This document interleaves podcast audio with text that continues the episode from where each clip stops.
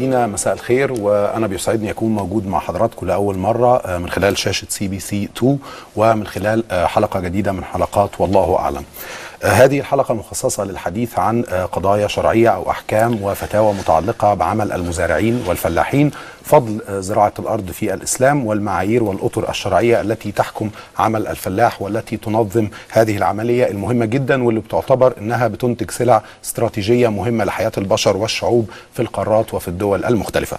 اسمحوا لنا في البداية نرحب بضيفنا وضيفنا الدائم من خلال شاشة CBC 2 ومن خلال برنامج الله أعلم فضيلة الدكتور علي جمعة عضو هيئة كبار العلماء. فضيلة الدكتور علي جمعة أهلا بحضرتك. أهلا وسهلا بكم مرحبا.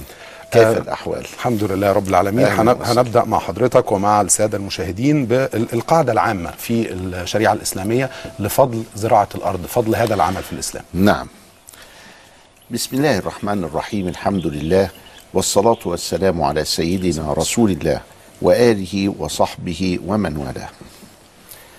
آه في الحقيقة أن الإسلام عندما جاء فرض الزكاة وجعلها ركنا من أركان الدين والزكاة لا تؤخذ آه عند المسلمين في كل الممتلكات بل تؤخذ في أصناف معينة من الممتلكات. ومن هذه الأصناف النقدين النقود. وكانت النقود ذهب وفضة بين الناس ودلوقتي حل البنكنوت محل النقدين ولكن ما زلنا في آه هذا الإطار. إن إحنا بناخد على وسيط التبادل 2.5% عندما ندخره بطرق معينة. نمرة اتنين الأنعام. نمرة ثلاثة الزروع. وهو ده آه موضوع حلقة اليوم. آه والزروع ليست في هل يا ترى كل ما تنبت الأرض نخرج عنها الزكاة ولا فيما يفيد الفقراء؟ بمعنى الذي يفيد الفقراء هو القوت الذي يقوم به جسم الإنسان. والقوت في عند العرب قديما كان يتمثل في الزروع والثمار في العنب وفي التمر. ونجد إن العنب والتمر قابل للتخزين. ممكن أخزن سنة من العنب والتمر. العنب والتمر بيعمل عجوة وبيعمل زبيب. فممكن أحط في البيت ما يكفيني سنة وآكل منه؟ العنب والتمر بيدي لجسم الإنسان طاقة. والحبوب في, في الزروع بقى. الحبوب هي كل ما يعطيني دقيق. طيب هنكمل كلام حضرتك في النقطة دي بس هنا حضرتك بدأت ببيان قاعدة فقهية أو شرعية ألا وهي أنه ليس كل ما تنبته الأرض تستحق عنه الزكاة. أقوات البشر هي أو القوت هو ما تستحق عنه الزكاة. صحيح. نعم. ولذلك الخضروات ليس فيها زكاة. آه والنبي صلى الله عليه وسلم قال ليس في الخضروات صدقة.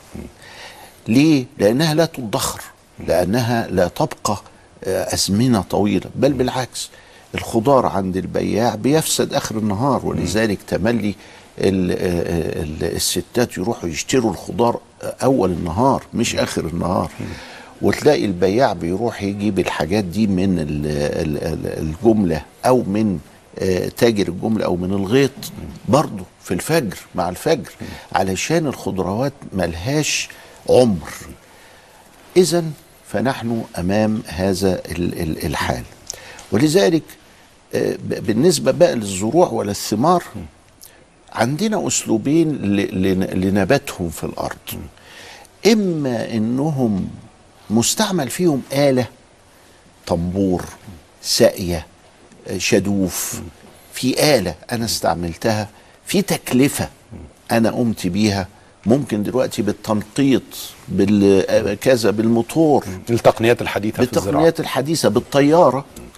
وفي نوع تاني وهو إن السماء تنزل المية مطرة فيطلع لوحده وأنا قاعد في البيت. إيه إيه الفرق بين الحالتين يا دكتور؟ فيما سقط السماء العشر. يبقى هطلع عشر يعني عشرة في المية من المحصول. إمتى بقى؟ وآتوا حقه يوم حصاده. يبقى إذا في الحصاد. واحد بيسأل بيقول لي طب أنا هطلع قبل الحصاد. أقول له ما ينفعش ما أنت ما أنتش عارف عليك كام. ولذلك لازم تستنى الحصاد علشان تعرف عليك كام. لأن الأرض مرة تدي كتير ومرة تدي قليل والمستحق وسط. من هذا من هذا مما تنتجه الأرض. اللي أنا جاهله اللي هو أنا معايا قد إيه؟ طن ولا ثلاثة طن؟ ممكن تديني كده وممكن كده وكده وممكن الآفة تيجي والعياذ بالله تعالى وتأكل الزرع كله وما يبقاش معايا حاجة طلعها للفقراء. فيبقى إذا لازم أنتظر الحصاد.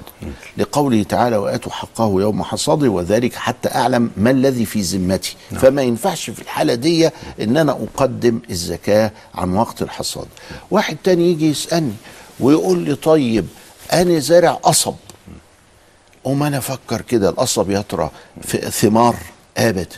طب القصب حبوب؟ ابدا. طب القصب حاجة شبيهة بالحبوب زي الملكية ما تكلموا عما ينتج الزيت. الزيتون الك- الكتان مش عارف إيه، حاجات تنتج زيت علشان الزيت ده أنا هستعمله أيضا وهدخره أيضا. ابدا. طب يبقى القصب ده معلش زكاة. عند الجمهور. معلش زكاة. فاذا أنا هنا الفكرة بتاعت الزكاة هو إغناء الفقير. نعم. مش إفقار الغني مش ضريبة على الغني. ولذلك الشخص اللي زرع قصب بيقول لي وزرع موز مثلا. الموز ده عليه زكاة في نيجيريا. ليه؟ لأنه بيعملوا منه قوت بيعملوا منه الخبز. الرز طبعا عليه زكاه لأن ده حبوب. بيعملوا منه الخبز برضه في نيسابور. لكن القصب ده بيعملوا منه إيه؟ ولا حاجة. بنروح للراجل بتاع عصير القصب نشرب آه، كوباية قصب. ولذلك بيقول لي لا ده أنا بكسب ملايين. أقول له خلاص يبقى اطلع على الملايين دي. زكاة. زكاة. مش تروح تدي عود قصب. يعني بالقياس اللي فضيلتك بدأت بيه آه هذا الحوار إنه هل من الجائز أن نشبه هذه الزكاة عن الحبوب وغيرها من المنتجات الزراعية؟ الجائزة عليها الزكاة. بفكرة المال الذي يجب أن يحول عليه الحول حتى تستحق عنه الزكاة فكرة ما يخزن من حبوب؟ لا. أنا هنا قدامي أصل اللي هو الأرض. لا أخرج على قيمتها الزكاة. الأرض بتاعتي بمليون جنيه. نعم. يبقى عليها 25 لو ربنا قال لي خرج على قيمة القصر بتاعك وأنا ساكن في قصر منيف ب 10 مليون يبقى عليها 250 ألف جنيه. طب وأنا ما معيش ولا مليم؟ ده القصر واخده من أبويا. حتة الأرض بتاعتي بقت بمليون جنيه. ما طلعش عليها الزكاة. أمال أطلع على إيه؟ على الثمرة بتاعتها. أطلع قد إيه؟ عشر إن كانت بتتسقي بالراحة. يعني إيه الراحة؟ يعني سيادتك مرتاح كده. والمطرة نازلة. أو بالآلة يبقى خمس يبقى خمسة في المية. في إيه؟ فيما يفيد الفقير اللي هو إيه؟ عشرين نوع عند الملكية. عند الشافعية اختصروها. قال لك الثمار والحبوب. يبقى اذا القصب ده هو معلش زكاة. ليه معلش زكاة؟ معلش زكاة لأنه لا يفيد الفقير. فبيقول لي الله ده بيجيب لي ملايين. ده أنا عندي آه، آه، آه، 200 فدان قصب يعجبوك. والنتاج بتاعهم ببيع وأكسب منه كتير. وأكسب منه. البطيخ ما فيش زكاة. آه ولكن البطيخ اللي ما فيش زكاة ده هو مورد رزقي. أقول له بس أنت بقيت راجل مليونير بعد ما بعته. قال لي آه. قلت له اطلع على الملايين دي بقى لما تحول عليك الحول. زكاة المال. زكاة المال. شوف أخينا التاني قلت له لا ما ت- ما ت- ما تعملش. ما تطلعش. إيه الفرق؟ الفرق إنه لو ما بعتش القصب ده يبقى ما عليهاش حاجة. الفرق إن لو القصب ده أصابته آه، آه، حاجة يبقى ما عليهاش حاجة طالما ما تحولش إلى مكاسب مالية أنت- مدخرة ومر عليها عام أو آه، يعني يحول عليها الحول حتى تستحق عنها صحيح، الزكاة. 100%. نعم. طيب عايزين ننتقل مع حضرتك لقضية أخرى قضية الصراعات أو النزاعات اللي بتصل للمشاجرات وهي عندنا ما يقرب من آه، 41 ألف حالة في عدد محدود من السنوات بين المزارعين أو الفلاحين على الحدود بينهم في الأراضي الزراعية نعم. إيه تفسير ده الحكم الشرعي في هذه النزاعات أو الصراعات والشجارات وفي نفس الوقت تفسير حضرتك لهذا الكم من الصراعات بين الفلاحين على حدود الأرض. حب الدنيا وكراهية الموت ونسيان الدين هو ده البتاع. عليه السلام حذرنا تحذير شديد لو الواحد أدركه بعقليته. كان ما ي- ما, ما يتنزع بيقول إيه؟ بيقول ملعون من حرك تخوم الأرض. تخوم الأرض دي اللي هي الحديدة اللي إحنا بنحطها في الغيط. ما أعرفش أنت يعني يمكن قاهري ولا حاجة ما, ما, عشتش في الأرياف يجي لك بعد ال- الحتة بتاعتك حط حديدة كده. الحديدة دي أخرنا. وما أجي أنا بالليل واجي محركها شبر كده. الشبر ما حدش هيلاحظه. قال من أخذ بغير حق شبرا من الأرض طوق به يعني اتحطت في رقبته سبعين أراضين يوم القيامة. أنت تخ... تخيل الشبر بسبع ولا سبعين حجم الكرة الأرضية. طب اللي الشخص اللي بيعمل كده يمكن فاكر إنه مش هيتحاسب على ده أو إن ده كلام فاضي ربنا مش شايف يعني. من لا يراه يعني يراه وشايفه ومطلع عليه. لا بس المصيبة مش كده. المصيبة في العقوبة.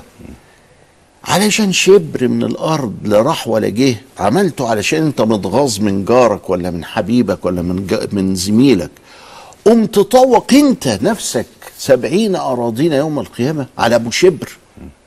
أو سبع أراضين يوم القيامة.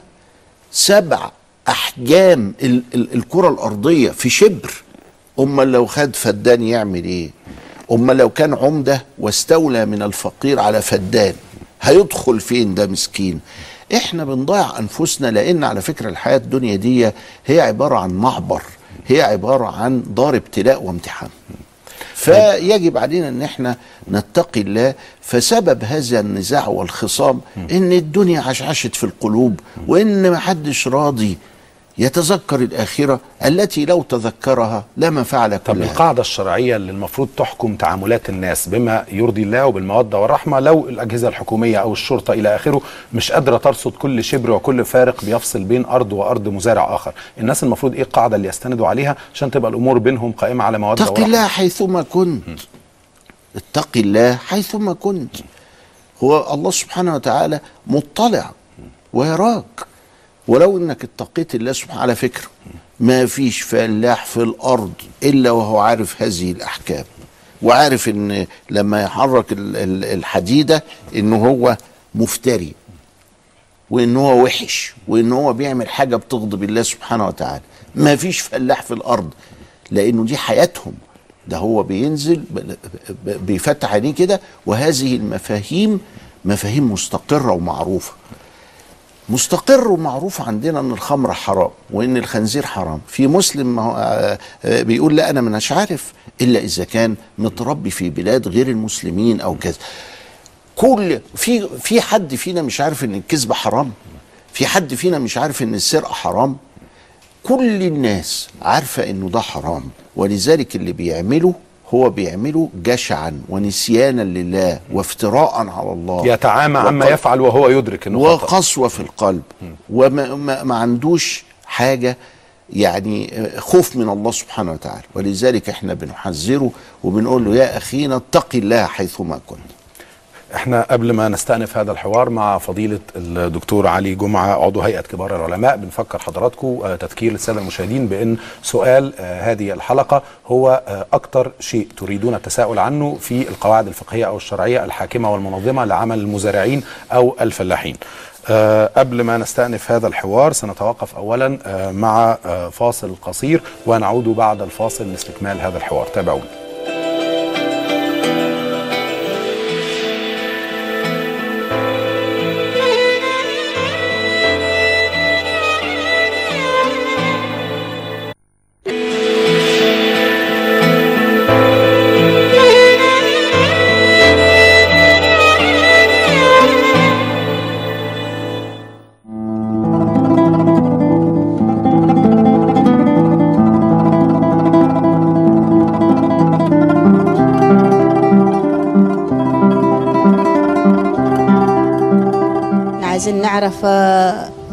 الذكاء ال- الفدان بيشرب بالمكنة بالآلة. ذكاها آه قد كيف. ما هو حكم إلقاء مخلفات الصرف الصحي في المياه الزراعية؟ إنها بتجينا تقوي مضروبة وفيه وفيه حاجات أدوية بيضيفوها لل لل لل للزرع. وعايشين يعني إحنا بيجينا قرن الفلفل طوله طوله حوالي من متر. كله كله هرمونات وكله كله أذى. يعني عايزين نعرف ده حرام ولا حلال؟ أنا واخد أرض أملاك دولة. هل هي حلال؟ ولا حرام؟ الزرع دي وتطلع العشر بتاعه من قبل ما يروح البيت. يجوز ولا لا يجوز؟ زكاة الزروع دي نفسرها نقسمها يعني. نعرف إذا كان هو يطلع كده مثلا آه، يطلع نسبة مثلا من الزرع نفسه أو آه، يطلع آه، مثلا فلوس زرع زي كده يعني. أنا بفرق والراجل مش بيشوفني وكده وعايزه أشوف هو حلال ولا حرام. أنا ببقى موجود في الغيط لمدة طويلة بيأذن علي الظهر والعصر فينفع إني أطبق الأوقات دي وأصليها بعد كده يعني في البيت؟ باعتبار القرية من القرى المنتجة لمحصول القصب وبعض المحصولات الزراعية. فعاوزين نعرف موضوع الزكاة. يعني آه، هل تخصم المصاريف من المبلغ اللي يجيبه القصب؟ ولا إيه نظام دفع الزكاة بالنسبة لمحصول القصب أنا بطلع زكاة لأمي وأبويا وهم متوفين يجوز ولا لا يجوز؟ عايزين المفتي يفتي لنا فتوى شرعية إن التعدي على الأرض الزراعية أو قتل الأرض الزراعية كقتل البشر.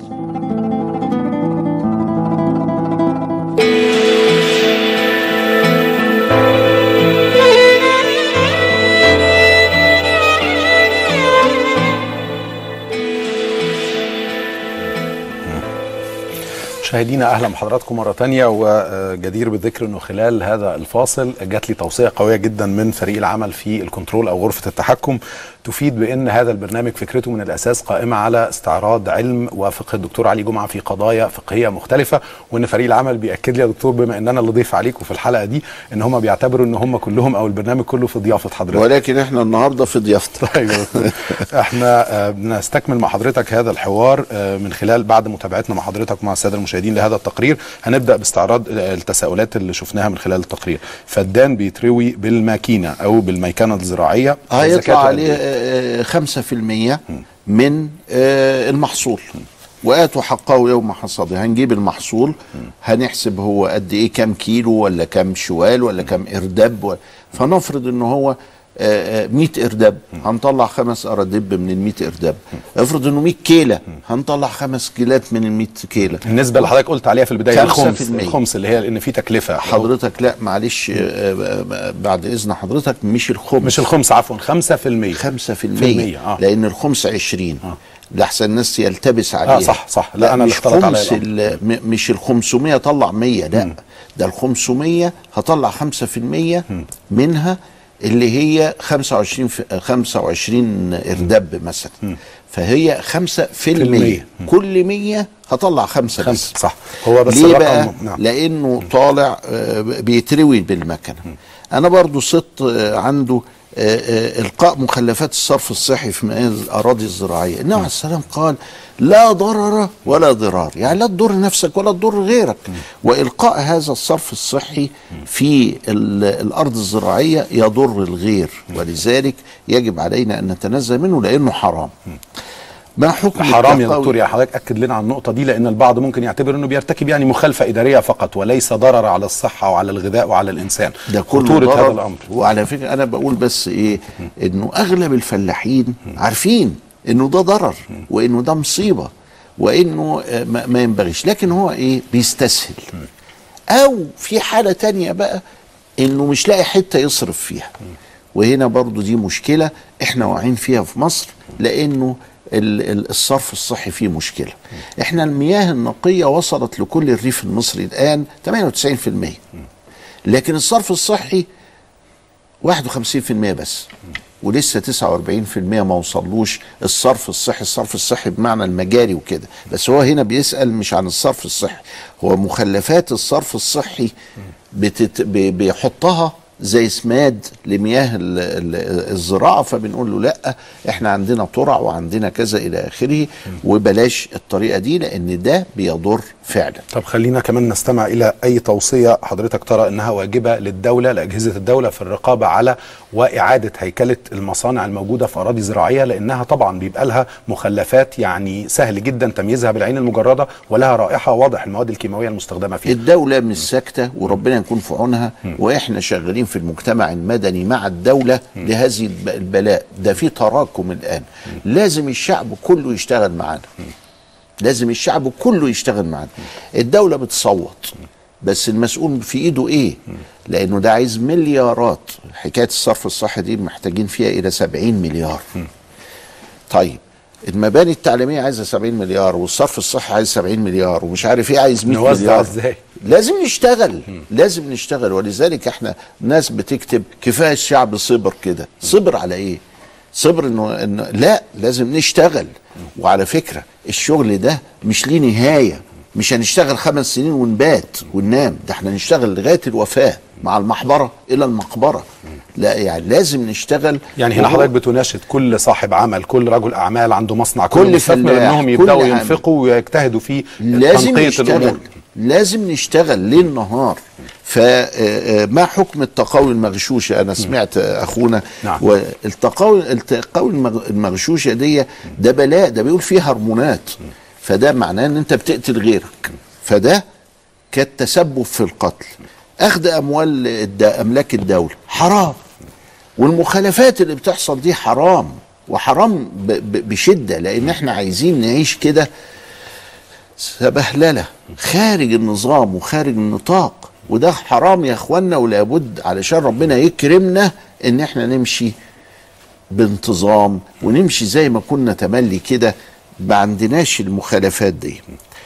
آه بيطلع عشر الزكاة قبل ما يحصد. أهو إحنا قلنا لا يجوز. أهو ده أجبناه قبل ما هو يتكلم. زكاة الزروع نفسها هل نطلعها جزء من الزرع؟ الأصل فيها كده إن إحنا بنطلعها جزء من الزرع. لكن الفلاح دلوقتي ما بقاش يخبز. كان زمان الفلاح اللي ما يخبزش عيب. لازم يخبز ويشوف على فكرة شوف آه، آه، اقتصاد الظل ده اللي كانت بتقوم به الست كان مخلي الفلاح غني. تاكل البيض وتاكل العيش وكذا إلى آخره. النهارده لا. آه ممكن أديله نقود بقى بس تمن العشر اللي اتحدد أو الخمس اللي اتحدد إن يبقى تقييم سليم ماليا لهذا يبقى العشر تقييم سليم. نعم. وعلى فكرة إحنا أرض العشر عندنا قليلة قوي اللي هي بالمطر دي. ممكن نلاقيها في مرسى مطروح بكده لكن عموم الوادي الخمس. هو- ال- اللي هو الخمس. الأراضي اللي بتزرع بالميكنة الحديثة. بالميكنة آه، تفريق الزكاة بدون علم زوجي. مفيش مانع إنها تفرقها بدون علم زوجها. خاصة إذا كان الزوج ده بيستنصح شوية ومش عايز يطلع الزكاة.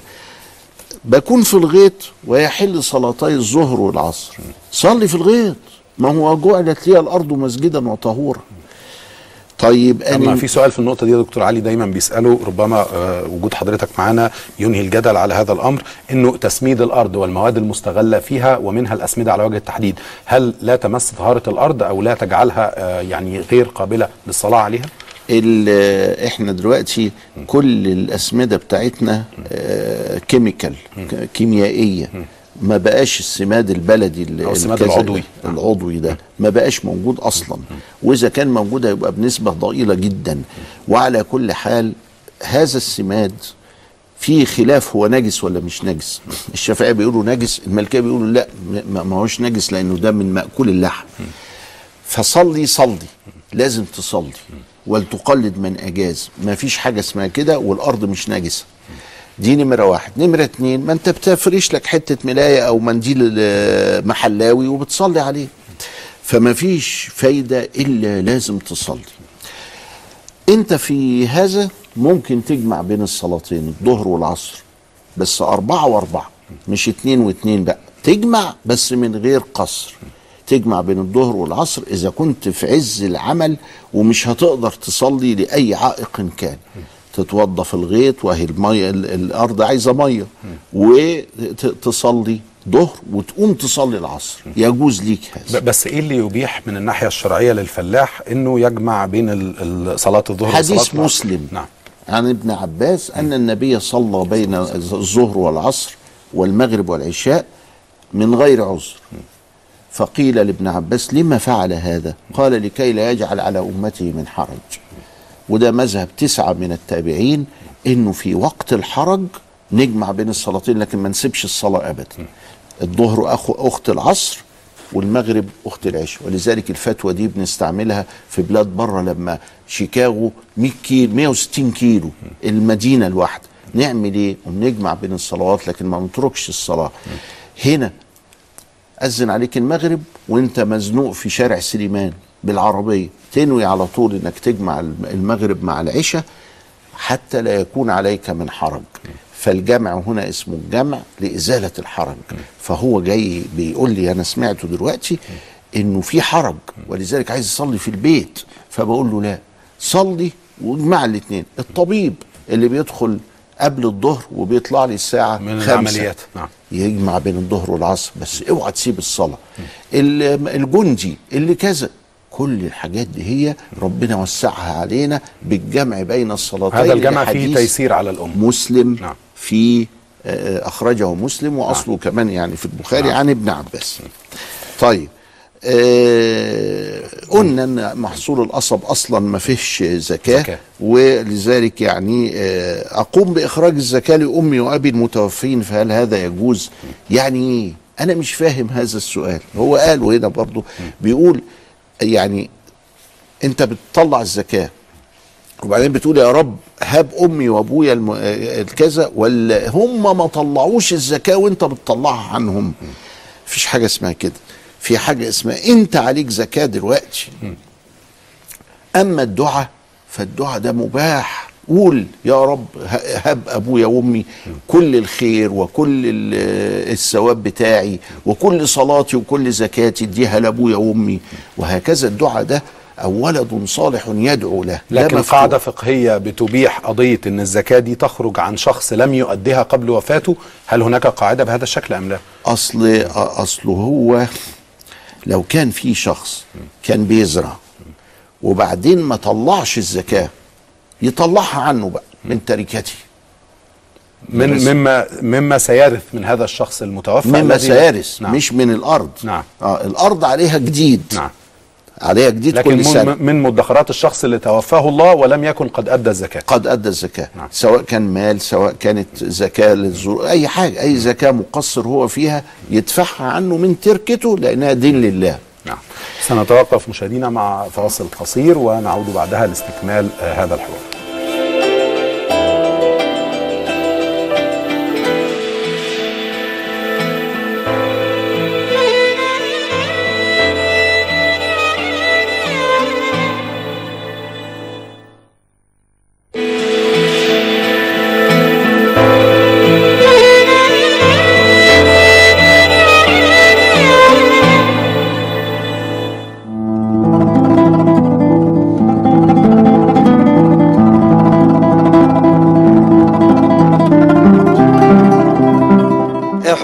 الشرع في الوسائط وهو الواحد بيبقى بيتعب في الثانويه عامة ويجي واحد معاه واسطة بياخد بياخد مكانه. ما حكم الدين في واحدة خلعت من جوزها ما بتوريهوش بيتها أنا جوزي مسافر بره يعني حكم الدين يعني كم شهر مثلا بره ما هو حكم آه، الهجرة غير الشرعية داري آه، مسيحي وظروفه تعبان ممكن يجوز له الزكاة. إيه ذنبه من طلع ما تروحش الدراسة تقعد الأطفال وشني في الشوارع ما تتعلمش ولا حاجة وقافلين المدارس وبياخذوا مرتبات. ونايمين هل التلاميذ اللي تنجح دي هل نجح هل لما ينجحوا دولي هل نجاحهم حلال ولا حرام؟ الدروس الخصوصية هل إن هي حلال الواحد بياخدها أو حرام؟ خصوصا إنه في ناس ما بتقدرش تاخد الدروس الخصوصية يعني. أنا شغال في جمعية شرعية. ففي ناس يعني في ناس تعبانين قوي بنحاول بنديهم. وفي ناس بيبقى صعب إن إحنا الواحد يوصل إليهم. هل أنا عليا ذنب في كده ولا لا؟ هل هي السجاير حرام أو حلال أو مكروهة؟ يعني نطلع نحج ولا جهز البنت؟ ما حكم الاحتفال بالأعياد خارج غير عيد الأضحى وعيد الفطر؟ هل يجوز إن أنا أطلع ال- الزكاة لأحد الأقارب أو أنا أطلعها برا الغريب أو اديها الجمعيات مثلا آه، أو حاجة زي كده؟ فأنا أرجو الاستفسار عن هذا المعنى. الشغل الست الكبيرة. يعني جاهز ولا مش جاهز وإحنا في الجامع إحنا بنصلي ال- الإمام بيقرا سوره الفاتحة. والناس اللي وراه بتقول آمين. إحنا بنقول آمين. عايز أعرف ليه بنقول آمين؟ أنا عايز- أسأل يعني أشوف النقاب دي ده هو فرض ولا سنة؟ يعني الواحد دلوقتي لازم بيبقى مذاكر فترة كبيرة وبيبقى مثلا جامع بعيد عن البيت شوية. فينفع هل يعني يجوز الصلاة في البيت ولا لازم الواحد يروح الجامع؟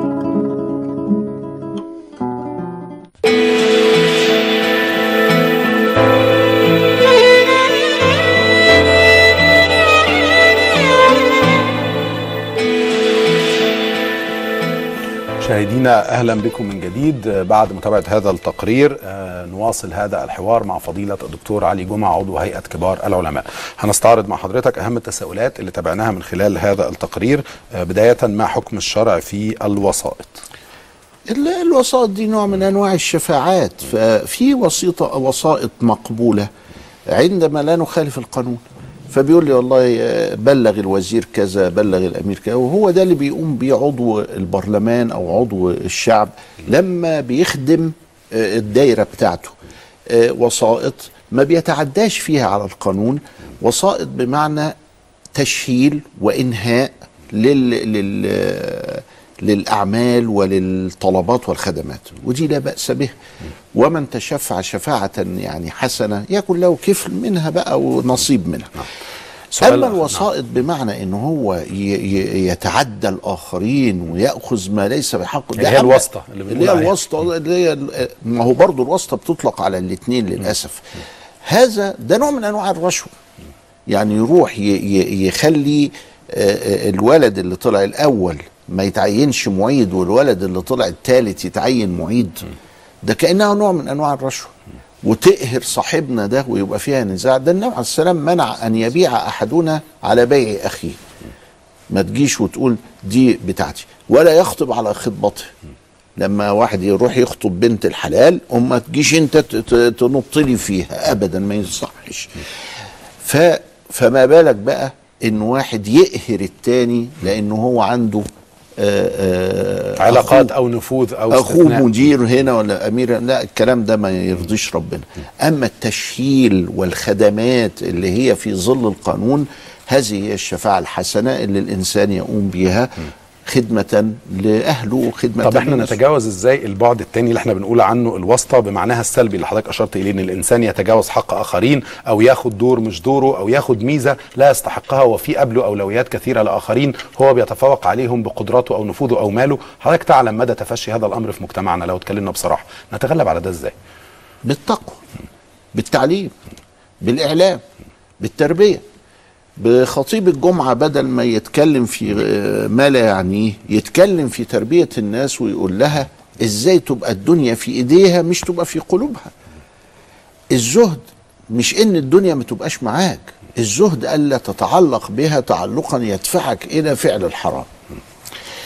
فنسأل الله سبحانه وتعالى آه، إن الناس ترجع مرة تانية لحظيرة الدين والأخلاق الحميدة ونرجع مرة تانية آه، مجتمع محترم.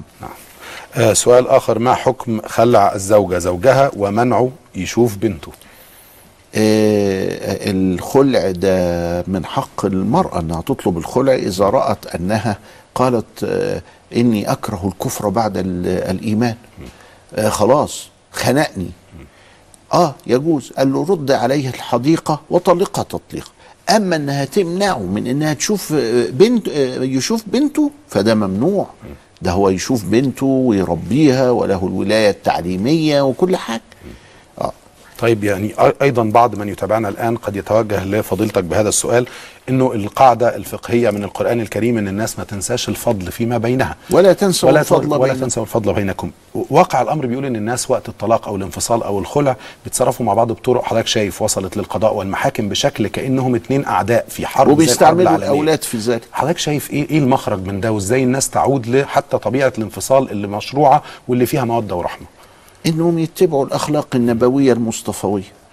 إنهم يرجعوا مرة تانية يحبوا النبي. لو حبوا النبي وأهل بيته وشافوا هم كانوا بيعملوا إيه؟ النبي عليه السلام عمره ما ضرب صبي. عمره ما ضرب حد. عمره ما ضرب امرأة. وقال خيركم خيركم لأهلي وأنا خيركم لأهلي. زملائنا فضيلة الدكتور أبلغوني دلوقتي إن هذا الموضوع بيحظى بمساحة كبيرة جدا من اهتمام السادة المشاهدين وإنه هيكون مخصص آه، له حوار خاص أو حلقة منفصلة مع فضيلة الدكتور علي جمعة. سؤال آخر من الأسئلة اللي شفناها وتابعناها من خلال هذا التقرير، هل هناك وقت محدد في الشرع لغياب الرجل عن بيته وزوجته؟ آه أربع شهور لا يجوز للرجل إن هو يغيب عن بيته فوق الأربع شهور إلا برضا الزوجة زي اللي بيسافروا بره علشان يطلبوا الرزق وكذا إلى آخره أو مسافر لطلب العلم أو مسافر لأي غرض كان في وظيفة بتاع. ف آه، آه، لكن لازم الزوجة تأذن فيما هو فوق الأربع شهور. يكون بالتراضي بين الزوج والزوجة طبعا. يعني نعم. التراضي ده إيه؟ مالناش دعوة بيه لأنه ادام راضيين خلاص الحمد لله رب العالمين. لكن حقي وحقك بقى يبقى هنرجع مرة تانية لقضية الأربع شهور ودي نعم. حددها سيدنا عمر. ما حكم الهجرة غير الشرعية؟ حرام. الهجرة غير الشرعية حرام قطعا. وده إحنا شايفين الدماء ال- ال- البريئة التي تموت في الهجرة غير الشرعية. جار جاري مسيحي وأريد إعطاء الزكاة فهل يجوز أم لا؟ من شروط الزكاة أنها تكون بين المسلمين. ولذلك النبي عليه السلام فتح باب الصدقة. الصدقة تجوز للمسيحي ولليهودي وللمجوسي ولل... ولأي حد من غير المسلمين. لكن تنظيم الزكاة بالذات هو أن يؤخذ من أغنيائهم ويرد على فقرائهم. تنظيم كده. وده مش معناه كراهية جاري المسيحي بل إني أنا مأمور بالصدقة. وكان النبي عليه السلام يقول إن في المال حقا سوى سوى الزكاة. في مال في في حق آخر غير الزكاة. ولذلك هذا الحق بديه حق. يعني حاجة في رقبتي لاخويا المسيحي أو جاري اللي هو لي-. ليست له الضوابط في كيفية إخراج هذا الحق أو مال الصدقات بقى. مثل مثل أمر الزكاة مثل أمر الزكاة، الزكاة حاجة داخلية، تنظيم داخلي ما بين المسلمين. سؤال آخر ما حكم التلاميذ آه، اللي ما بيروحوش المدرسة وبينجحوا في الآخر غش والنبي عليه السلام قال من غشنا فليس منا. وحاصل دلوقتي حاجات بلاء إحنا بنشوفه وإحنا بنمحي الأمية في القرى وكذا إلى آخره إنه الواد مش عارف يكتب اسمه وبيقول أنا معايا ستة ابتدائي. طب إزاي؟ إزاي نجح كل هذه النجاحات؟ وده حتى كمان مش بيكتب له على السبورة كان زمان يكتب على ال- السبورة ال- الإجابة. ده دلوقتي الواد ما بيروحش. غش. تحمل مسؤوليه ده لمين يا فضيلة الدكتور؟ للي بيعمله للناظر وللمدرس وللأب ولل وللأم ولكل كل المجتمع هيبقى آثم. وعلى فكرة ربنا خسف آه، بأقوام لما انحرفوا عن عن منهج الله سبحانه وتعالى. ده كده غش ثم استمراء لهذا الغش. ومن غشنا فليس منا. آه سؤال آخر مرتبط بالمجال التعليمي أيضا الدروس الخصوصية. الحكم الشرعي فيها هل هي حلال أم حرام؟ الدروس الخصوصية في دار الإفتاء عندنا آه، فتوى طويلة بحرمتها. نعم. آه يعني ال- إلى ما تم الاستناد من جمهور العلماء أو العلماء الذين وصلوا إلى هذه القناعة الشرعية أو هذا الاستنباط ولذلك الشرعي. يعني لأنه مش مش مش مش موضوع الحلقة نعم. فأنا حاطط لك آه، إجابة الغرفيه نعم، لكن- لكن نعم. ده آه، من من ست ورقات. من الأدلة أن هذا الفعل من الناس دي إنما هو آه، آه، آه، تحطيم للعلم وللعملية التعليمية. وقد كان والحمد لله نعم. إن إحنا دلوقتي مشكلتنا هي مشكلة التعليم. طيب وهذه القضية أيضا ستحظى باهتمام فريق العمل وهتخصص لها مع فضيلتك حلقة خاصة لمناقشة هذا الأمر الخاص بالمشكلات أو الآفات التي ضربت المجال الدراسي والتعليمي. آه، أيضا هل آه، في آه، محاسبة على عدم معرفتي بالوصول للفقراء لتوزيع أموال الزكاة من الجمعية الشرعية؟ آه، أنا أنا لا أفهم ال- السؤال بالضبط يعني هو عايز يقول إيه؟ هو مش عارف الفقراء. ما فيش لا. إذا كان بيديها للجمعيات الأهلية زي الجمعية الشرعية ولا مصر الخير ولا دار الأورمان ولا غيرها والله دي بتوصل إلى مستحقيها.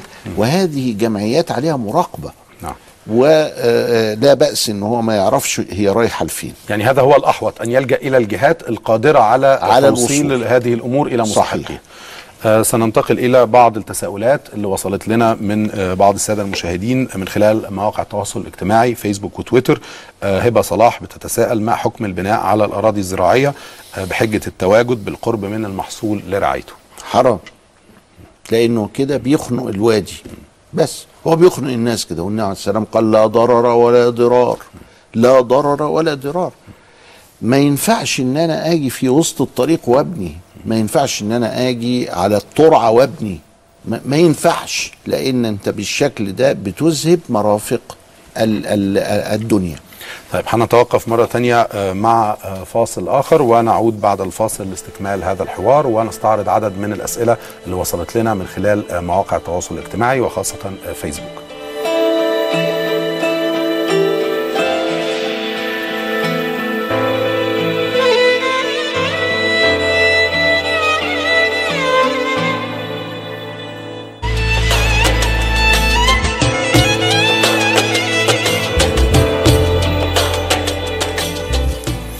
مشاهدينا آه، بنستكمل مع حضراتكم هذه الحلقة من برنامج والله أعلم وهذا الحوار مع فضيلة الدكتور علي جمعة عضو هيئة كبار العلماء في الفقرة المتبقية من آه، هذا اللقاء ومن هذه الحلقة.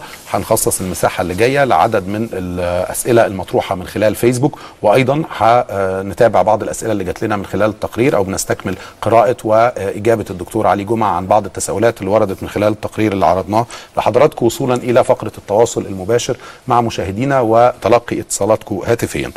آه، فضيلة الدكتور علي جمعة سؤال آخر مرتبط يعني قياسا على إجابة حضرتك عن السؤال اللي طرحناه قبل التوقف مع الفاصل. هل الحكم الشرعي واضح في قضية وقاطع في قضية تبوير الأرض الزراعية لأسباب مالية أو اقتصادية؟ تبوير الأرض بالكيفية التي تتم الآن فساد في الأرض. إحنا آه، بنستورد أكلنا ولابد علينا أن نكتفي اكتفاء ذاتيا في الأكل. لما ذهبت إلى أمريكا آه، ذهبت إليها سنة 81 ثم ذهبت بعد ذلك كثيرا. لاحظت حاجة غريبة جدا وهو إن الأطعمة ما بتزيدش أسعارها ما بتزيدش. كل حاجة زادت. الشنطة اللي اشتريتها ب 10 دولار بقت ب 100 دولار. لكن الطعام زي ما هو نفس الأسعار. فتعجبت وسألت قالوا لي لا أصل إحنا بننتج 240% من احتياجاتنا. يبقى اذا بستهلك 100% و140% بصدرهم إذا كان أكلك من فاسك فرأيك من راسك. وبعد كده بقى لما يقعدوا يتحكموا فينا هذا اللي بنسميه الشيطان الأكبر والشيطان الأصغر و إلى آخره. طيب ما هو لازم يتحكم فينا بعد أنه تحكم في أكل عيشنا. فتخيل إن البنى على الأرض الزراعية أو تبوير الأرض الزراعية أو إفساد الزراعة أو إفساد المحصول أي جريمة نرتكبها في لأنها حق خطر على مستقبل البلد كله. كله. وأي جريمة نرتكبها في حق 90 مليون. وأي جريمة. فإذا دي جرائم كبرى. أنا مش هاجي أشيل هذا من المنظور وأقول مباح. أرضك يا أخي وابني فيها زي ما أنت عايز. أيوه ده كان زمان. كان زمان لما كنا مكتفين ذاتيا لما كنا 2 مليون ونص وكان الإنتاج بتاع الأرض بنوديه للعثمانية في أنقرة علشان نصرف عليهم. الموقف اتغير تماما دلوقتي. تماما. اتنين ونص أيام محمد علي غير وأيام همام شيخ العرب همام اللي مثله الأستاذ يحيى الفخراني. وما بين دلوقتي وإحنا في 2014 ومعانا 90 مليون بني آدم عايز أخلي رأيهم من رأسهم. فإحنا مش بنلعب. فده ال- الفقه متصل بالواقع. واللي بيحصل ده ما يرضيش ربنا ولا رسوله ولا المؤمنين. ولازم علينا إن إحنا نقف مع أنفسنا موقف جاد. إما نكون أو لا نكون هل إما هذا- نحيا أو نموت. هل هذا مرتبط بما تطلقون عليه آه، كعلماء للفقه وللشريعة الإسلامية فقه الأولويات أولويات وطن في هذه المرحلة ومخاطر محددة يجب أن تراعى حتى من المزارعين؟ وفقه الواقع أيضا بالإضافة إلى إنه فقه الأولويات إلا إنه فقه الواقع. نعم. أنت دلوقتي ال- ال- الفقه مرتبط بالواقع. أنت واقعك إيه؟ أنت قاعد ت- وتأكلني وتأكل حق أبنائي وأحفادي وبعدين بتقول لي في حاجة في القانون حتى وده جايبينه من الفقه الإسلامي اسمه التعسف في استعمال الحق. حتى لو كان حقك إنك أنت تبني حيطة في بيتك لكن لا يجوز إن أنت تحجب عني الشمس بالحيطة دي. فراحوا الاست... انت دلوقتي بتستعمل حقك عشان تؤذيني. بتستعمل وتؤذي حقك الأجيال القادمة علشان حتى. تؤذي الأجيال القادمة يا سلام. لا سيتدخل هنا عمر بن الخطاب سيدنا عمر رضي الله تعالى عنه وهيضرب بضرته. بالضرة اللي في إيده كده وبال- بالجلدة اللي في إيده ولا الخرزانة اللي في إيده. عيب عيب اللي إحنا بنعمله في أنفسنا ده لأنه روح الشريعة أنه لا ضرر ولا ضرر. سؤال آخر آه، سؤال من محمود قرشي بيقول آه، رأيت في أحد المزارع شخص يذبح بقرة قاربت على الموت بمشرط جراحي وأخذ وقتا حتى وصل إلى المنطقة التي من شأنها أن تميت هذه البقرة. فهل هذا جائز شرعا أم لا؟ وهل يختلف الحكم إذا كان توافر لديه آلة أخرى؟ يمكن أن تؤدي المهمة بشكل يعني لا يعذب هذا الحيوان. الذبح الشرعي. لازم فيه من الرحمة وكذا إلى آخره. لكن افرض أنه ما حصلتش هذه الرحمة الذبيحة مش حرام أن أنا أكلها ما دام قد قطعت ثلاثة من أربعة. الوداجين اللي هم العرقين دول والمريء والحلقوم. ذبحت أغلب قطعت أغلب الأربعة كده أهو أو ثلاثة من الأربعة يبقى الذبيحة دي حلال أكلها. ولو كان فعلي حرام لإنه بعد عن الرحمة. اللي هو محمود هنا بيقول إيه؟ ده كان فيه آلة تانية أسهل وأحلى وأرحم. نقول له جزاك الله خيرا أنت رحيم وعايز الرحمة. والشخص اللي عمل كده مع علمه بالآلة التانية هو بعد عن الرحمة فعلا وهو غلطان. بس الذبيحة حلال.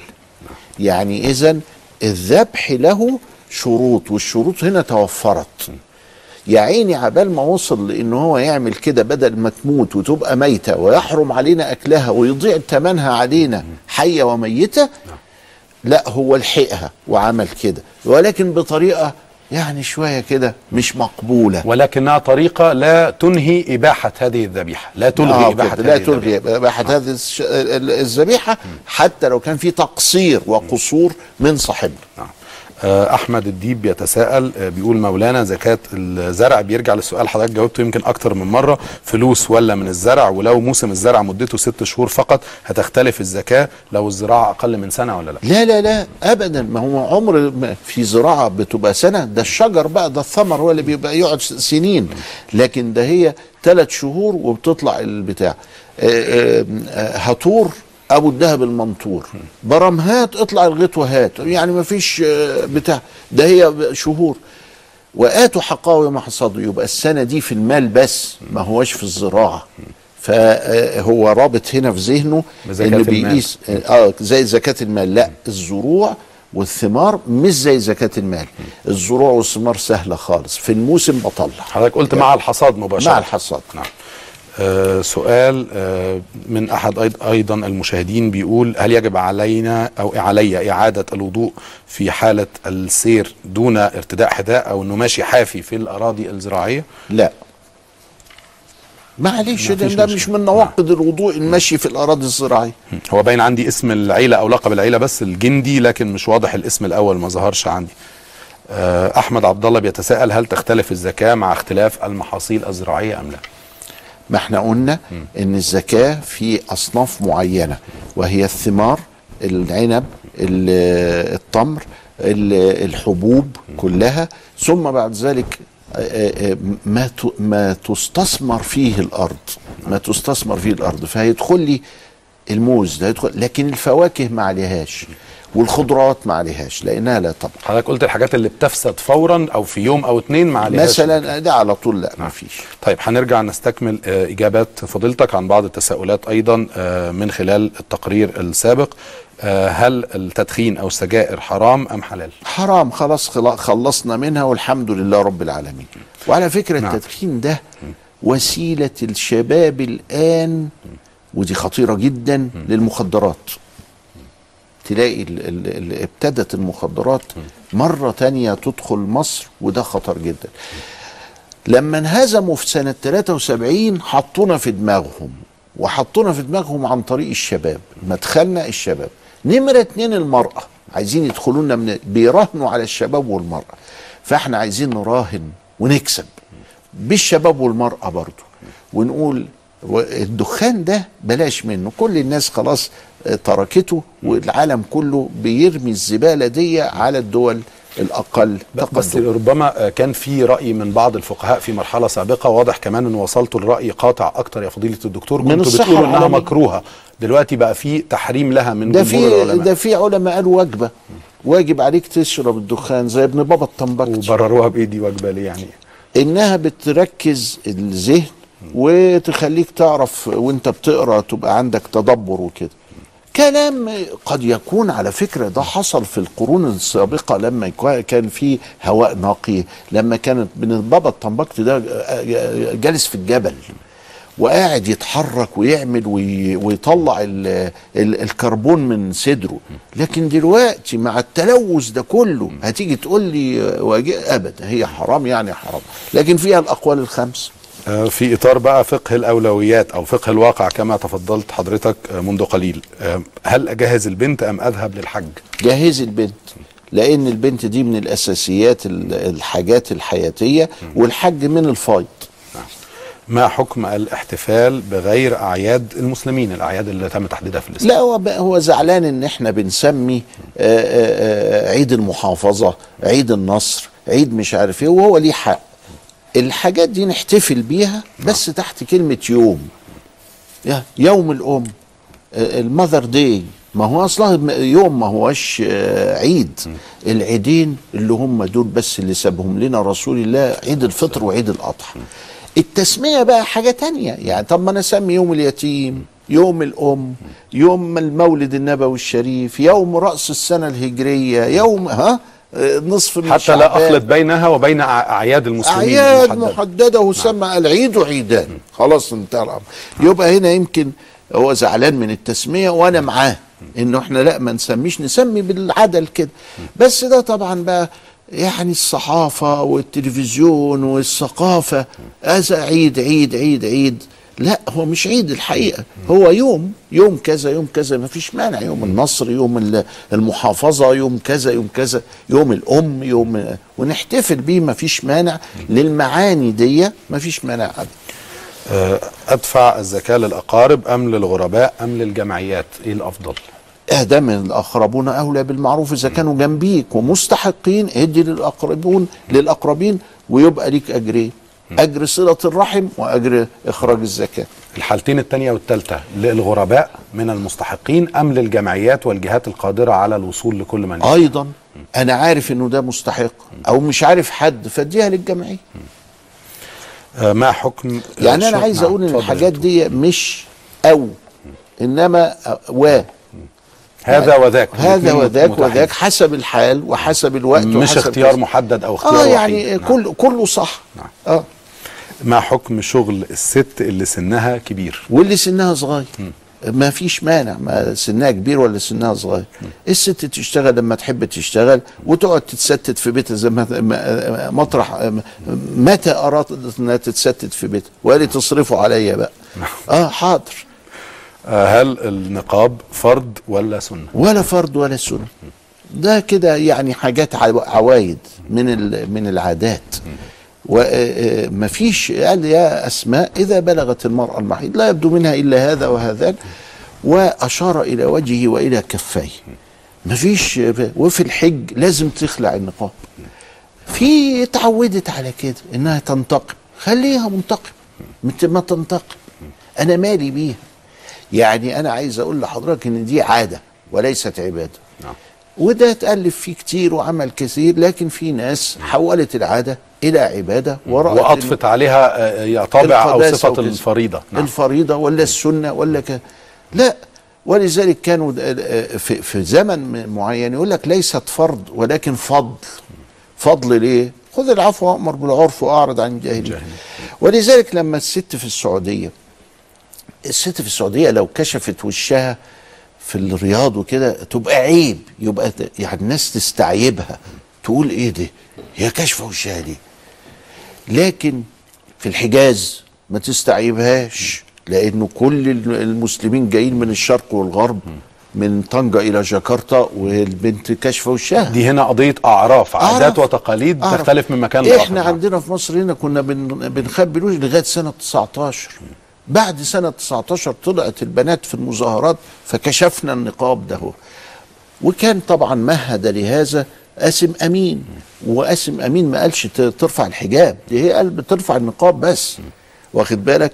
ف لكن بعد كده بقى آه، زودتها برضو بعض ال- الناس اللي ما لهمش دعوة بال- بالشريعة ولا كده. الحجاب هو الفرض في الكتاب وفي السنة وفي إجماع تزايد فضيلتك شايف إن ده تزايد عندما يتحدث البعض آه، عن هذا الأمر غطاء الوجه أو النقاب على إنه فريضة في الإسلام. لا هو ليس فريضة ولكن الحجاب هو اللي فريضة نعم. اللي هو يبدو من وجه المرأة الوجه والكفين وعورة الرجل من السرة إلى الركبة طيب إحنا معانا عدد من الاتصالات. يعني سريعا آخر سؤال كان معانا في هذا التقرير. هل يجوز هل تجوز الصلاة في البيت أثناء المذاكرة للذكور أم لا؟ الولد مش هيروح المسجد يصلي بأهله.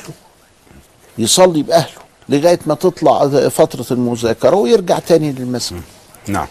معانا عدد من الاتصالات آه، يعني عدد كبير في انتظار المشاركة وتوجيه تساؤلاتهم لفضيلة الدكتور علي جمعة. هنبدأ بأستاذ حسن. آه، أستاذ حسن مساء الخير. تفضل السلام عليكم. عليكم السلام ورحمة الله وبركاته. تحياتي لحضراتكم ولشيخنا الكريم الأستاذ الدكتور علي جمعة الرجل الصالح الكريم. أهلا وسهلا ليا بيك. ملاحظتين ليا ملاحظتين أرجو تعقيب حضرتك عليهم.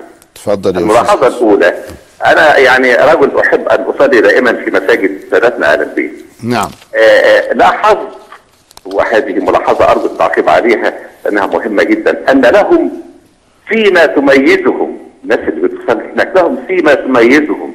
وجوه ناظرة إلى ربها ناظرة أو مسفره ضاحكة مستبشره هذه ملاحظة اولى الملاحظة الثانية وأرجو أن حضرتك برضو تؤكد عليها لماذا لماذا مباريات الكرة تعطل برنامج الأستاذ الدكتور علي جمعة في الأيام اللي بيكون فيها ماتشات كورة. أرجو أرجو ينقلوها إلى إلى أماكن أخرى في CBC. ولكم الشكر والتحية. شكرا جزيلا لحضرتك. دي تساؤلات الأستاذ حسن. آه، هل تفضل لا، الإجابة على أولا؟ طول ناخد-. آه، ناخد من- الاتصالات وحضرتك تجيب عنها نعم. آه، يعني في آه، نهاية هذه الاتصالات. معانا الأستاذ آه، عمر. أستاذ عمر اتفضل. السلام عليكم. عليكم السلام ورحمة الله وبركاته. اولا يسعدني جدا لأن- وعلي الشرف إن أنا اتصل ببرنامج جميل زي ده مع فضيلة الأستاذ الشيخ العظيم علي جمعة ومع اعلان كبير زي حضرتك. شكرا جزيلا لحضرتك. اتفضل سؤالك. أنا كان عندي سؤال بس صغير بس يعني يعني آه، لا لا، بإذن الله رب بإذن الله لو ربنا كرمني وزرت المسجد النبوي الشريف. هل يجوز إن أنا أقول السلام عليك للنبي عليه الصلاة والسلام أكثر من مرة أم هي مرة واحدة في اليوم؟ آه، سؤالك وصل لفضيلة الدكتور علي جمعة. بشكرك جدا. المشاركة معنا يا أستاذ عمر. سؤال آخر معنا أستاذة آه، منيرة. أستاذة منيرة اتفضلي. أيوه. أهلا بحضرتك. إحنا سامعينك. اتفضلي. أتصل دلوقتي أقول له؟ إحنا حضرتك معانا على الهوا والدكتور علي سامع حضرتك. اتفضلي. السلام عليكم. السلام عليكم فضيلة الدكتور. وعليكم السلام. اتفضلي. لو لو سمحت يا دكتور. أيوه. دلوقتي أنا دلوقتي أنا معايا مبلغ لتجهيز البنك. هل المبلغ ده عليه زكاة؟ في حين مبلغ لل- لل- مبلغ من المال لجهاز البنك. هل المبلغ ده عليه زكاة؟ حاضر. شكرا يا أستاذة منيرة. آه، أستاذة دعاء اتفضلي. السلام عليكم. عليكم السلام ورحمة الله وبركاته. آه، السلام عليكم يا فضيلة الشيخ. وعليكم السلام. اتفضلي يا بنتي. آه، هو سؤال بخصوص مامتي هي عندها دلوقتي 70 سنة وصحتها الحمد لله كويسة بالنسبة لسنها. بس هي المشكلة إن في شبابها آه، فترة شهر رمضان كامل اثناء الحمل كانت في الشهر الثامن وكمان في عمليات كبيرة فترة ثلاث شهور بأمر الدكاترة. آه، بعد كده لما استقرت الأمور واحد من الأشخاص افتلها هو مش متخصص يعني إن هي بدل الصيام تطلع فلوس عن كل يوم آه، يعني فطرته وعملت كده. فهي يعني رجعت قلقانة هل بقى تعيد كل الأيام ولا إن ده كان كفاية؟ طيب. سؤال تاني معلش بالنسبة للوساوس الكتير في في ال- في الصلاة والوضوء وال يعني الحاجات الخاصة بالدين إيه حكمها؟ يعني إزاي الواحد يتصرف معاها؟ شكرا جزيلا. آه، أستاذة سمر اتفضلي. السلام عليكم. وعليكم السلام. ورحمة الله وبركاته. السلام عليكم. وعليكم السلام. آه، أنا بس عايزة أسأل حضرتك بس على آه، فتوى عليا الطلاق. يعني أنا زوجي قال لي عليا الطلاق يعني مش مش هشارك إخواتي. وهو شاركهم بالفعل. فأنا عايزه أعرف يعني هل كده اتحسبت عليا طلقة ولا ولا إيه؟ على العلم إن أنا خدت زوجي ورحت بيه دار الإفتاء يعني وكده وافتوني إن هي زي كفارة يمين وكفر عنها. فأنا عايزة أتأكد هل فعلا كده صح ولا لأ لأن أنا ماسكة لي وساوس في دماغي دايما بتقول لي إن انت طلقتي يعني. فمنكدة على زوجي ومنكدة على على حياتي. فعايزة أعرف بس فضيلتكم يعني رأيك في المشكلة. شكرا جزيلا أستاذة سمر. آه، اتفضل فضيلة الدكتور. نبدأ بأول سؤال أستاذ حسن. آه الأستاذ حسن بيتكلم عن ظاهرة آه ما- شايفينها كلنا وهي ان إحنا لما بنروح لأماكن أهل البيت بنشوف آه وش الناس منور. طبعا آه قد يكون أسمر مش حكاية بياض قد يكون أسمر آه وأسمر جامد يعني سوداني أو كذا ووشه منور في نور في أو رجل عامي لكن وشه منور. ف آه، آه، يعني آه، هنعمل إيه؟ ربنا سبحانه وتعالى بيورينا إن الناس الطيبين ربنا بينور آه، آه، وشوشها ووجوهها. في الدنيا قبل الآخرة أمال في الآخرة يبقى شكلها إيه؟ نعم. ال- الطيبة القلبية بتنعكس على ال- الوجه. فهو عايز يؤكد المعنى ده نعم. آه، الأستاذ حسن. أما حكاية ال- الكورة فيمكن بيخفف عني شوية يعني ما أعرفش الأستاذ حسن عايزني أجي آه، كل يوم كل يوم. هو, هو محتفي بحضرتك هو تقديرا لهذا البرنامج ولوجود حضرتك فيه آه، وعلمك إنما برضه نعم. في تخفيف ما هو فيها حتة آه، رحمة برضه من إحنا, الناحية إحنا عايزين. نرد عليه تاكيدا على كلام حضرتك بس إنه في جانب خاص برؤية طبعا إدارة القناة إنه مع كل التقدير ومع أكيد سعادة القناة أيضا بأن هذا البرنامج اللي بيقدم على شاشة CBC 2 بيسعدك يا أستاذ حسن وبتتمسك بيه وبموعده وانضباطه في موعد دائم لا يتغير ولكن في حسابات أخرى ان المباريات بتكون أو بتبث على الهواء مباشرة وهي خدمة آه، يعني بيعشقها عدد كبير جدا من المواطنين مش بس في مصر لا بس أنا عايز العالم. أضيف حاجة يا أستاذ محمد. اتفضل يا فضيلة الدكتور وهو إنه ده بالاتفاق معايا وده أكيد بالتراضي وبرضا فضيلة الدكتور لأن زي يعني ما فريد أنا- عمل قال في البداية ده برنامج حضرتك أو أنا فريد أنا راضي يا. أستاذ حسن فخليك معايا يعني يخليك. دي في توافق عليها بين فضيلة الدكتور لحسابات كثيرة جدا خاصة برغبات آه، أستاذ عمر كان صاحب هذا السؤال ولا أستاذ حسن؟ لا، أستاذ حسن. حسن هو صاحب هذا السؤال. عموما في النهاية إحنا بنراعي كل الاهتمامات وكل الشكاوى من آه، مشاهد نهتم وبنحترم آراء حضراتكم جميعا ولكن هناك حسابات أيضا لرغبات كثيرة ومختلفة ومتنوعة لقطاعات كبيرة من المشاهدين. اتفضل فضيلة السيد عمر بيقول تكرار السلام على سيدنا النبي هناك في ال- آه طبعا نكرر الصلاة زي ما بنكرر الصلاة على النبي نكرر السلام على النبي. السلام عليك يا سيدي يا رسول الله. لأن كل ما سلم عليه أحد رد الله إليه روح طبعا ملايين دي كلها بتصلي وتسلم عليه فهو في حالة برزخية دائمة في الحياة. نعم. السيدة منيرة آه، بتقول إن عندها مبلغ حجزة للبنت فده الكرخ الكرخي بيقول من الفقهاء الأحناف إن المبلغ ده من حاجيات ال- الحياة ولذلك معلش الزكاة. تحطه كده زي ما هو زي ما حتى قلنا لو. استمر أو وضع في البنك لسنوات طالما مش تداخل مش ملكي نعم. كأنه مش ملكي. لأن من شروط الزكاة الملك التام. والحوائج دي مش من الملك التام. لأن دي ما هتروح في الحاجة. ولذلك هتفضل بالشكل ده في حاجتها. نعم. ولذلك قلنا لما سألونا آه، نطلع ولا نحج؟ لا دي خلاص أصلا مش ملكك عشان تحجي بيها ولا عشان كده ده رأي ال- ال- الكرخي وبه نفتي في عصرنا اللي تدخلت فيه الأمور هتروح تحج وبعدين تيجي تستلف أو آه، عشان تجوز. بنتك أو ابنك. آه، الجهاز هت- هتقعد وبعدين تأكله لا دعاء آه، الاستاذه دعاء عليها آه، أمها عليها صيام فادت بالإطعام بس كفاية كده لكن أنا كنت هقول لها يا دعاء ما تبقيش موسوسه فراحت هي قالت إيه وأعمل إيه في الوسواس؟ قالت في الوساوس كمان في الصلاة خلال آه. أداء الصلاة. سيبيكي من من من الوسواس. نشوف. الوسواس ده إذا كان عندك من مدة والمدة دي معناها إنه أكتر من أربع خمس شهور تروحي للطبيب على طول. مش هينفع معاه حاجة. لازم تاخدي معين طبي. معونة طبية علشان الوسواس ده ينتهي. بس المشكلة بتاعت الحكاية دي إن هذه الأدوية بتاخد مدة طويلة في العلاج. هتاخديها ترتاحي كمان شهر كمان شهرين هتسيبي العلاج هيرجع لك تاني. ده غير يا فضيلة الدكتور حضرتك تعلم طبعا كمان خطورة الاعتياد على النوع ده من الأدوية اللي الناس تعودت بعض الناس ما بقاش بيقدر تحت ينام من إشراف غير الطبيب. مهدئات. نعم. ولذلك الطبيب هو دي مش مهدئات دي هي عملية آه، المهم مش مش شغلتنا. لكن على كل حال كده ما دام أكتر من 3 4 شهور عندك وسواس طبعا واحدة بتقولي بقى هو الواحد ده أنا عندي اديلي 30 سنة.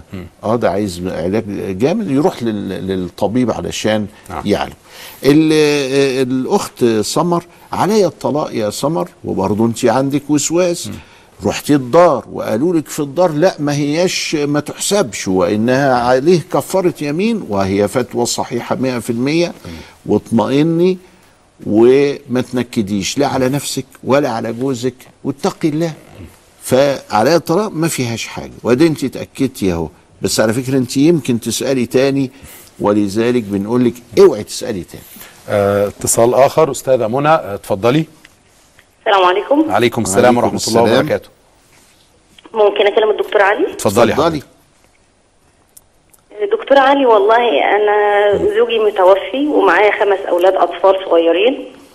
نعم. فهم يعني أكبر واحد 16 سنة وأصغر واحد سنتين ومعاهم فلوس كده في البنك وكده. فمش عارفة أطلع عليها زكاه أو لأ. أيوه طيب اتفضلي. حاضر. حاضر يا ست منى. شكرا نعم. أستاذة منى. اتصال آخر. أستاذة أحلام اتفضلي. السلام عليكم. عليكم السلام. ورحمة الله. ازي حضرتك عامل إيه؟ الحمد لله اتفضلي. آه، دلوقتي أنا كنت متجوزة وعندي أربع بنات وقعدت 19 سنة مستحملة جوزي على أساس إن هو يتغير ما تغيرش المهم سبته واتطلقت منه فهو مش سيد البنات ولا سيدني في حمله آه، شتيمة و- وقلة أدب و... وما بيصرفش وكل همه نفسه بس فهو عامل لبناتي حالة نفسية وحشة جدا. فأنا عاوزه أسأل حضرتك هو المفروض نبعد ولا هو المفروض صله رحم؟ هو يأثر في نفسية البنات وإحنا برضه نعرفه. اشكرك شكرا جزيلا. آه، أستاذة سماح اتفضلي. السلام عليكم. عليكم السلام ورحمة الله. عليكم الشيخ. هو س- الدكتور علي سامع حضرتك فضيلة الدكتور سامعك اتفضلي. طيب حاضر. آه، ودلوقتي أنا والدتي توفت من شهرين. البقاء آه، لله. وس- وكانت سايبه فلوس ميراث. الميراث ده هو جزء منه ليا. فأنا كنت عايزة اطلع لها صدقة جارية من فلوسها. فتقال لي طالما إن هي ما وصتش إنها تطلع من فلوسها صدقة جارية يبقى ما ينفعش. لازم تكون موصية إن يطلع من فلوسها هي صدقة جارية. فحت- هتطلعي الفلوس يبقى إزاي تطلع. فأنا عايز أسأل بس حضرتك آه، هتوصل لها صدقة جارية من فلوسها ولا طالما ما وصتش يبقى مش هتطلع؟ طيب. آه شكرا جزيلا. أستاذ عمر معانا على الهاتف. أستاذ عمر اتفضل.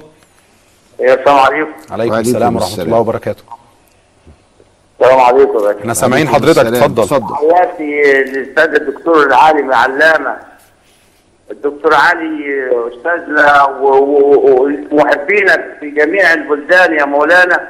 ونحب نسمع صوتك على طول. ونلاحظ مقلة الخطابة اليومين دول الجمعة. محتاجين نسمعك خاصة في الأيام اللي بتمر بها مصر. حاضر. بالله عليك ما تحرمناش يا مولانا كده من خطاباتك اللي بتهدي الناس وبنسمعها كده وبتشرح قلوبنا وبنحبك لله يا مولانا والله. الله يكرمك. شكرا, شكرا. جزيلا أستاذ عمر. آه مش عارف إذا كان عند حضرتك تساؤلات ولا لأ. ربما أنهى الاتصال فعلا. أستاذ علاء اتفضل. السلام عليكم. عليكم السلام ورحمة وعليكم الله السلام أكلم مولانا بعد إذنك. اتفضل يا سيد علاء. ربنا يبارك في حضرتك. مولانا أنا والدي توفى من من سنتين بالظبط. نعم. قبل ما قبل ما يتوفى حضرتك كنت مشاركه في في في في في, في, في بضاعة أو في في, حاجة كنا مشترينها على أساس نتاجر فيها ون- ونبيعها. الحاجة دي كانت خسرت 12000 طيب. والدي قال والدي قبل ما يتوفى قال لي أنت عليك خسارة 6000 طيب. أنا أنا تعهدت إن أنا أدفع له ال 6000 دول. طيب. حضرتك؟ وقلت له إن أنا لو توفيت هوصي ابني كمان إن هم إيه يكونوا الدين في رقبته ورقبتي طيب. تمام؟ بس والدي توفى. فدلوقتي ال 6000 دول هل أنا أوزعهم على الورثة ولا هل أنا أديهم لوالدتي؟ لأن هي مستحقة. طيب طيب. آخر اتصال قبل ما نستمع ل آه، يعني إجابات فضيلة الدكتور علي جمعة عن هذه التساؤلات. أستاذ شريف اتفضل. أستاذ شريف ربما فقدنا الاتصال. طيب آه، مجموعة الأسئلة اللي وصلت لحضرتك. الأستاذة منى آه، بتقول إنه زوجها متوفى وترك خمس آه، أطفال. آه، خمس أطفال. كان إيه السؤال بقى كانت بتتحدث عن أولويات دلوقتي الإنفاق بالنسبة لهم وبتقول إن هي آه بتقول عن- إن ليهم فلوس في نعم، البنك. نعم. الفلوس اللي في البنك وهم اكثرهم 16 سنة يعني ما زال لم يبلغ بعد سن ال- ال- التصرف المالي. نعم. ولذلك أموالهم دي كلها لازم تكون في المجلس الحسبي المجلس الحسبي لما بروح سنويا بيديني 3% ف لا إحنا بنخرج على الإيراد 10% ما دامت محبوسة يبقى بنخرج على الإيراد. نفرض يعني إنهم 100000 جنيه بيعملوا لي 10000 يبقى أنا عليا 1000 الألف دي هطلعها. ال- ال- المجلس الحسبي بيسمح لي بإخراج 3000 مش 1000 بس. 3000 اللي هم 3% من ال 100000 أنا مش هخرج الثلاثة أنا هخرج 1000 واحدة بس للزكاة. لأن الزكاة على المال مش على ال- الإنسان ده على المال. ولذلك المال سواء امتلكه صغير سواء امتلكه كبير عليه زكاة. المجلس الحسبي مش هتعرفي تصرفي حاجة ال- عن طريق المجلس الحسبي والمجلس الحسبي عامل حسابه في الحكاية دي. الست أحلام آه، في مشكلة بينها وبين زوجها والنزاع ال- ال- اللي أدى إلى الطلاق بعد 19 سنة وبتقول إنه مش سايبنا في حالنا. قالت في تجاوزات كانت وإنه لم يكن ينفق إلى آخره يعني. آه. اللي آه، إحنا الحضانة ما دام الأربع بنات في سن الحضانة فهم تحت سلطانها. وإحنا بنأمرها بال بال بالعفو وبالعرف وبالرحمة وبهذه لأنه دي مشاكل هي كده وقدر. فما نقدرش نهدم الدنيا. ولذلك بنقول لها نمرة واحد تحلي بالصبر نمرة اتنين إذا كان في ضرر يبقى حاولي تقاومي هذا الضرر أو تدرأي هذا الضرر. وربنا سبحانه وتعالى دي دي دي مشاكل في العالم كله اللي هي مشاكل الانفصال والأسرة طب فضيلتك حتى لو هي تشعر بمرارة من تجاوزات خلال فترة الزواج وقبل الانفصال أو الطلاق هل تنصحها بأنها تراعي البعد الديني في حق هذا الأب بعد الطلاق في رؤية أولادهم أو بناتهم ولا ما يحدث حضرتك تعلم من تعسف؟ لا أصل هو يعني أصل هيشوفهم هيشوفهم. وإذا ما شافهمش في البيت هيشوفهم بره البيت. وما فيش حاجة اسمها بلغ عنه البوليس إن واحد شاف بنته. ما فيش حاجة اسمها كده. والقاضي هيحكم بالرؤية. ولذلك السلم أحسن من الحرب. والسياسة وال وال وال والود ولا تنسوا الفضل بينكم أحسن من النزاع والصدام. حضرتك آه، الست سماح توفيت أمها من شهرين وتريد إخراج صدقة جارية من مالها. خاصة الجزء بتاع التركة بتاعتها فواحد بيقول لا لا ما ينفعش. لا يا ست سماح ينفع. وما تسمعيش لهذا ال- ال- الطريقة في التفكير. آه، السيد علاء بيقول توفي الأب من سنتين وعليه 6000 دين لأبيه دي من التركة ولازم تتوزع على الجميع. هو نفسه هياخد منها من الدين ده. فالست آلاف يشوف الورثة فين؟ ويدي لهم كل واحد نصيبه بما فيه هو نفسه هياخد من الست آلاف نصيبه. كأن في حد من بره عطاهم ست آلاف فهنوزع الأم هتاخد التمن وكده إلى آخره. هو بيقول بس أمي محتاجة. لا ما ينفعش إلا بإذن الورثة أو تديها نصيبها ونصيبك أنت. نعم. ما. تملكه ما لك الحق في. التصرف فيه. لكن الباقيين لا. يا إما بإذنهم يا إما آه، ما آه، تديهم حق. حق الناس حق العباد. ما فيهوش بقى فكرة الحوائج إن آه. هو حتى لو يحتاج لهذا المال وهو حق لآخرين أمهم لا، كلهم هم كل الناس دي أمهم هي كده. لا ملناش تدخل. هي موافقة على آه، هو هم موافقين إنهم يدوا لأمهم. أيوه يدوا لهم الست. لا خلاص يديها نصيبها ونصيبه هو. نعم. لكن الباقي ياخد انصبه طيب إحنا ده كان ربما آخر سؤال جالنا في مجموعة الاتصالات اللي تلقيناها من عدد من السادة المشاهدين. فضيلة الدكتور علي جمعة كان في سؤال واحد ربما لم آه، نستمع إلى آه، إجابة حضرتك عنه آه، في التقرير اللي تابعناه. لماذا يقول المصلون آمين في نهاية تلاوة الإمام للفاتحة في الصلاة؟ الفاتحة تشتمل على دعاء. اهدنا الصراط المستقيم يعني يا رب اهدينا إلى الصراط المستقيم. وآمين معناها اللهم استجب. هي فعل أمر اسم فعل أمر اسم فعل أمر بمعنى اللهم استجب.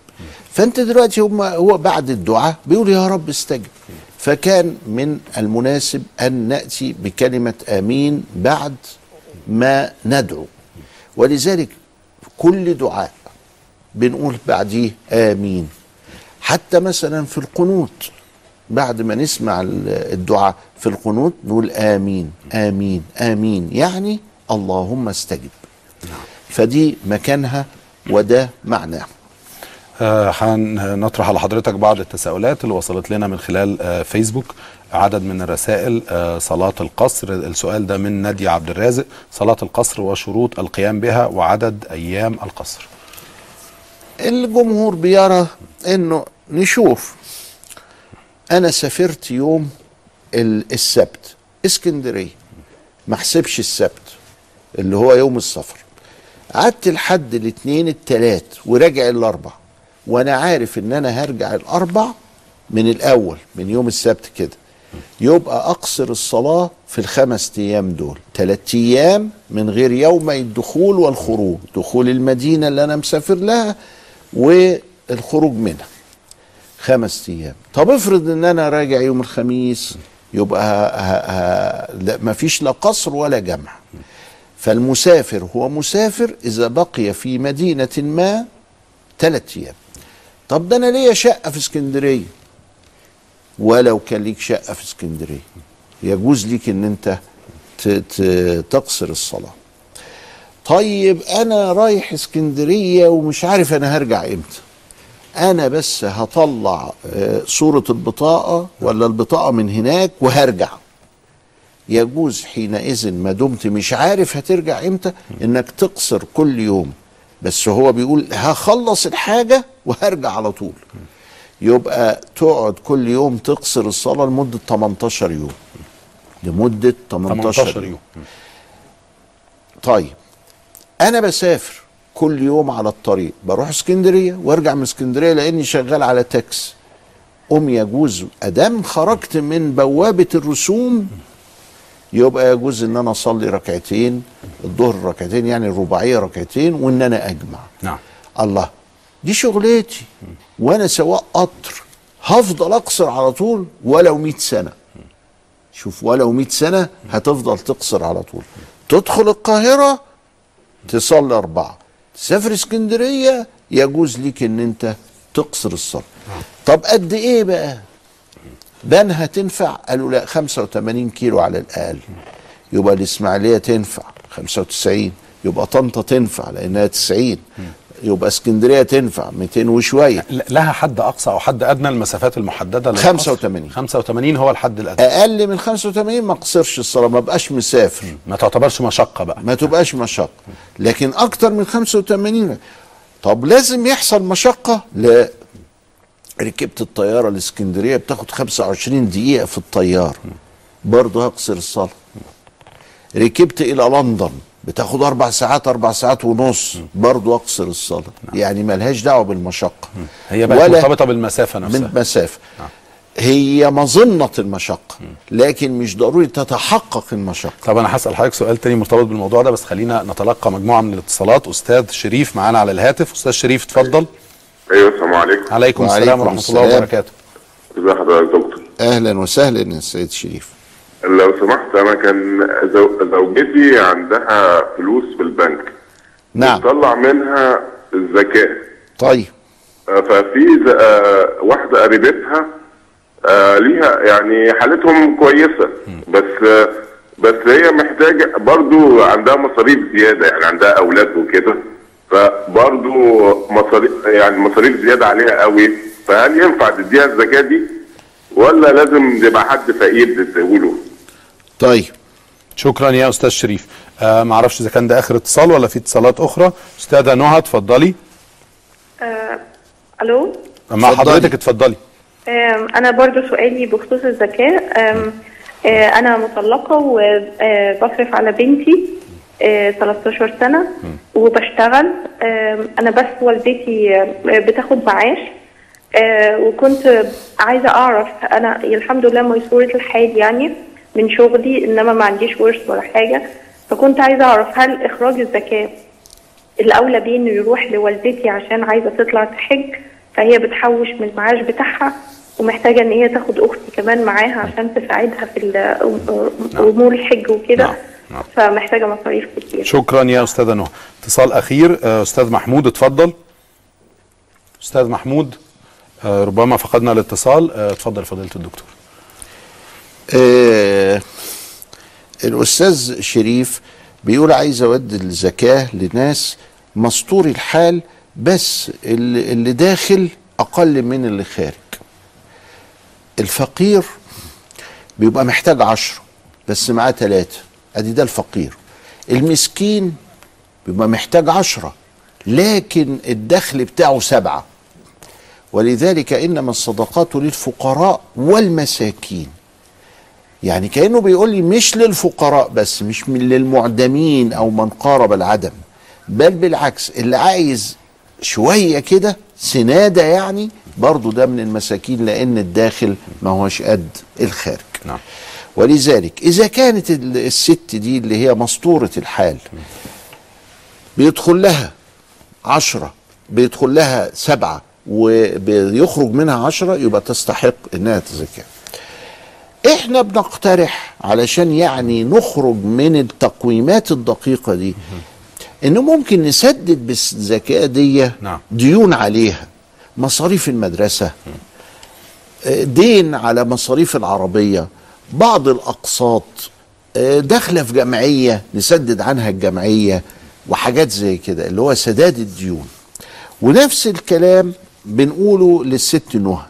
لا يا ست نهى الحج ما هواش فريضة إلا على من كملت أدواته ولذلك الزكاة ما تروحش فيه نعم. ما ينفعش أدفع الزكاة علشان أطلع واحد الحج الزكاة دي عشان تتصرف علشان العلاج وسداد الديون والأكل والشرب والضروريات ولذلك ما ينفعش إن أنا أدي الزكاة علشان الحج نعم. لا نشوف لنا الفقراء والفقراء ما أكثر طيب.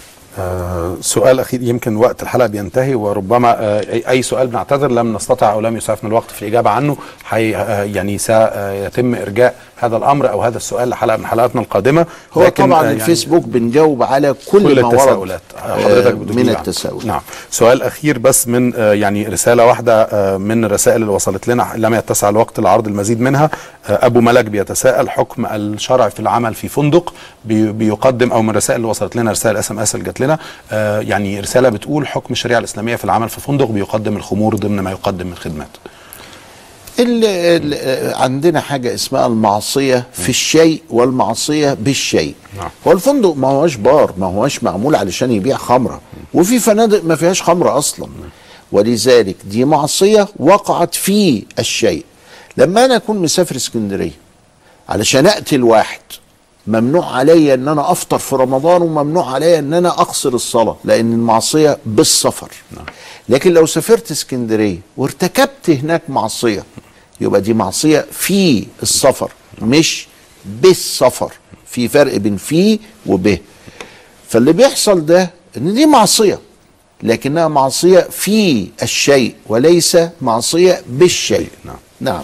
أخيرا آه، وإحنا بنختتم الحوار مع آه، فضيلتك. آه، كنت قلت لحضرتك إن في سؤال تاني بس في متعلق ببعض الأذهان إنه في ناس ما عندهاش طبعا دراية كافية بالعلوم الشرعية أو الفقهية ولكن بيسألوا قياسا على إن السفر دلوقتي ما بقاش فيه المشقة اللي حضرتك أشرت إلى إنها بالطيران أو إلى آخره بعكس زمان كان السفر بالجمال أو الخيول فكان في مشقة تبرر فكرة القصر أو التيسير في الصلاة هل الأمر ده له أي منطق في الفقه أو الشريعة الإسلامية ولا ده مجرد اجتهاد خاطئ من البعض ال- لا ده اجتهاد خاطئ من البعض لأنه الأحكام بتتعلق بالعلل مش نعم. بالحكم نعم. وحكاية المشقة دي حكمة مش علة ولذلك العلة المسافة. نعم. وجدت المسافة وجد القصر والجمع. ما وجدتش المسافة ما وجدش القصر والجمع. نعم. أما المشقة طب ما أنا آه، خباز والدنيا صيف والمشقة بليغة في عمل الخبز في الصيف. ولكن ما يجس ليا القصر. يبقى اذا مش علشان المشقة. المشقة نعم. دي حكمة. نعم. الأمر مش مرتبط برفاهيه أو مشقة السفر على الإطلاق. الحكمة هو إن يكون ده خمرة فحرام إن أنا أشربها. طيب الخمرة دي أنا هشرب منها بق ومش هسكر. قال لا حرام برضو ليه بقى؟ أصل دي الأحكام متعلقة بالعلل مش بالحكم. نعم. في نهاية آه، وقت هذا اللقاء آه، بشكر فضيلتك شكرا جزيلا. فضيلة الدكتور علي جمعة عضو هيئة كبار العلماء شكرا جزيلا لك. شكرا لكم مشاهدينا آه، بنعتذر مرة تانية عن كم الرسائل كم كبير من الرسائل وصلت لنا ولكن لم تتم الإجابة عنها لم يتسع الوقت. وبنأكد لحضراتكم أن فضيلة الدكتور علي جمعة سوف يجيب عن هذه التساؤلات طبعا من خلال التواصل اللي بيحصل آه، بين حضراتكم وبين فضيلة الدكتور علي جمعة من خلال آه، صفحة البرنامج. نهاية هذه الحلقة من برنامج والله أعلم. شكرا لحضراتكم على المتابعة وإلى اللقاء.